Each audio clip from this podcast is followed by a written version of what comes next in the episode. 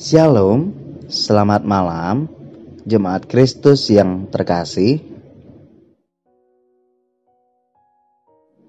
Renungan untuk kita pada malam hari ini berjudul "Mendukung atau Merugikan".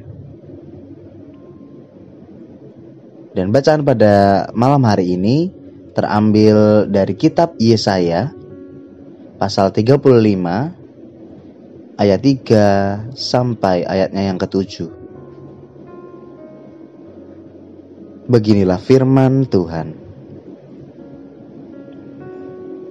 Kuatkanlah tangan yang lemah lesu dan teguhkanlah lutut yang goyah. Katakanlah kepada orang-orang yang tawar hati, kuatkanlah hati Janganlah takut. Lihatlah, Allahmu akan datang dengan pembalasan dan dengan ganjaran Allah. Ia sendiri datang menyelamatkan kamu. Pada waktu itu, mata orang-orang buta akan dicelikkan, dan telinga orang-orang tuli akan dibuka. Pada waktu itu orang lumpuh akan melompat seperti rusa dan mulut orang bisu akan bersorak-sorai. Sebab mata air memancar di padang gurun dan sungai di padang belantara.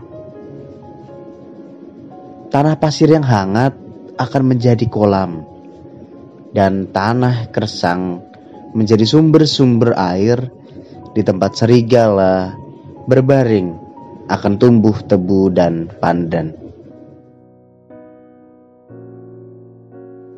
Mencari keuntungan bersama dirasa bukan sebuah pilihan yang baik untuk saat ini.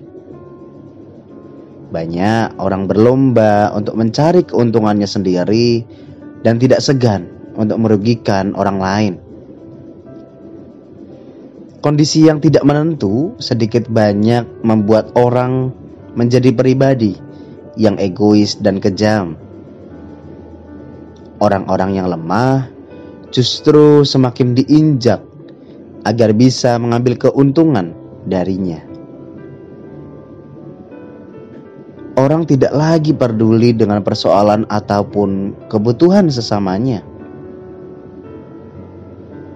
Nah, Bapak Ibu yang terkasih, dalam Yesaya yang kita baca pada saat ini, kita bersama-sama diajak untuk memberikan dukungan dan kekuatan kepada orang-orang yang lemah dan lesu. Dalam situasi baik yang akan dianugerahkan Allah kepada kita,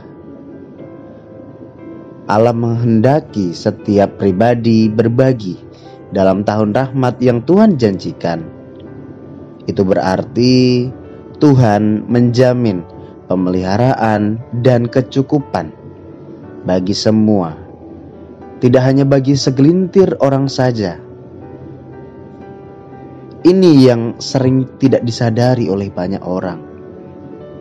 Banyak yang mengira bahwa berkat yang disediakan Tuhan hanya cukup untuk sedikit orang, sehingga ia berlomba dan bernafsu untuk mendapatkan bagian yang dikira sedikit tersebut. Atau mungkin sebaliknya, ada banyak orang yang berpikiran bahwa karena berkat yang disediakan Tuhan banyak, maka ia dengan rakus mau mengklaim itu semua menjadi miliknya pribadi. Rasanya sangat sayang bila kita menjalani hidup seperti itu. Karena Tuhan saja murah hati dan kasihnya seluas samudra. Mari bersama-sama kita memeriksa diri kita. Terlebih dalam masa Advent ini, apakah kita mampu hadir sebagai penolong dan yang memberi dukungan? Atau malah sebaliknya. hendaklah kita memiliki kepekaan di dalam diri kita. Biarlah kasih Allah memancar melalui setiap perkataan dan tindakan kita. Demikianlah renungan pada malam hari ini. Semoga damai sejahtera dari Tuhan Yesus Kristus tetap memenuhi hati dan pikiran kita. Amin. Jemaat yang terkasih, mari kita bersatu hati menaikkan pokok-pokok doa yang ada dalam gerakan doa 21 GKI Sarwa Indah.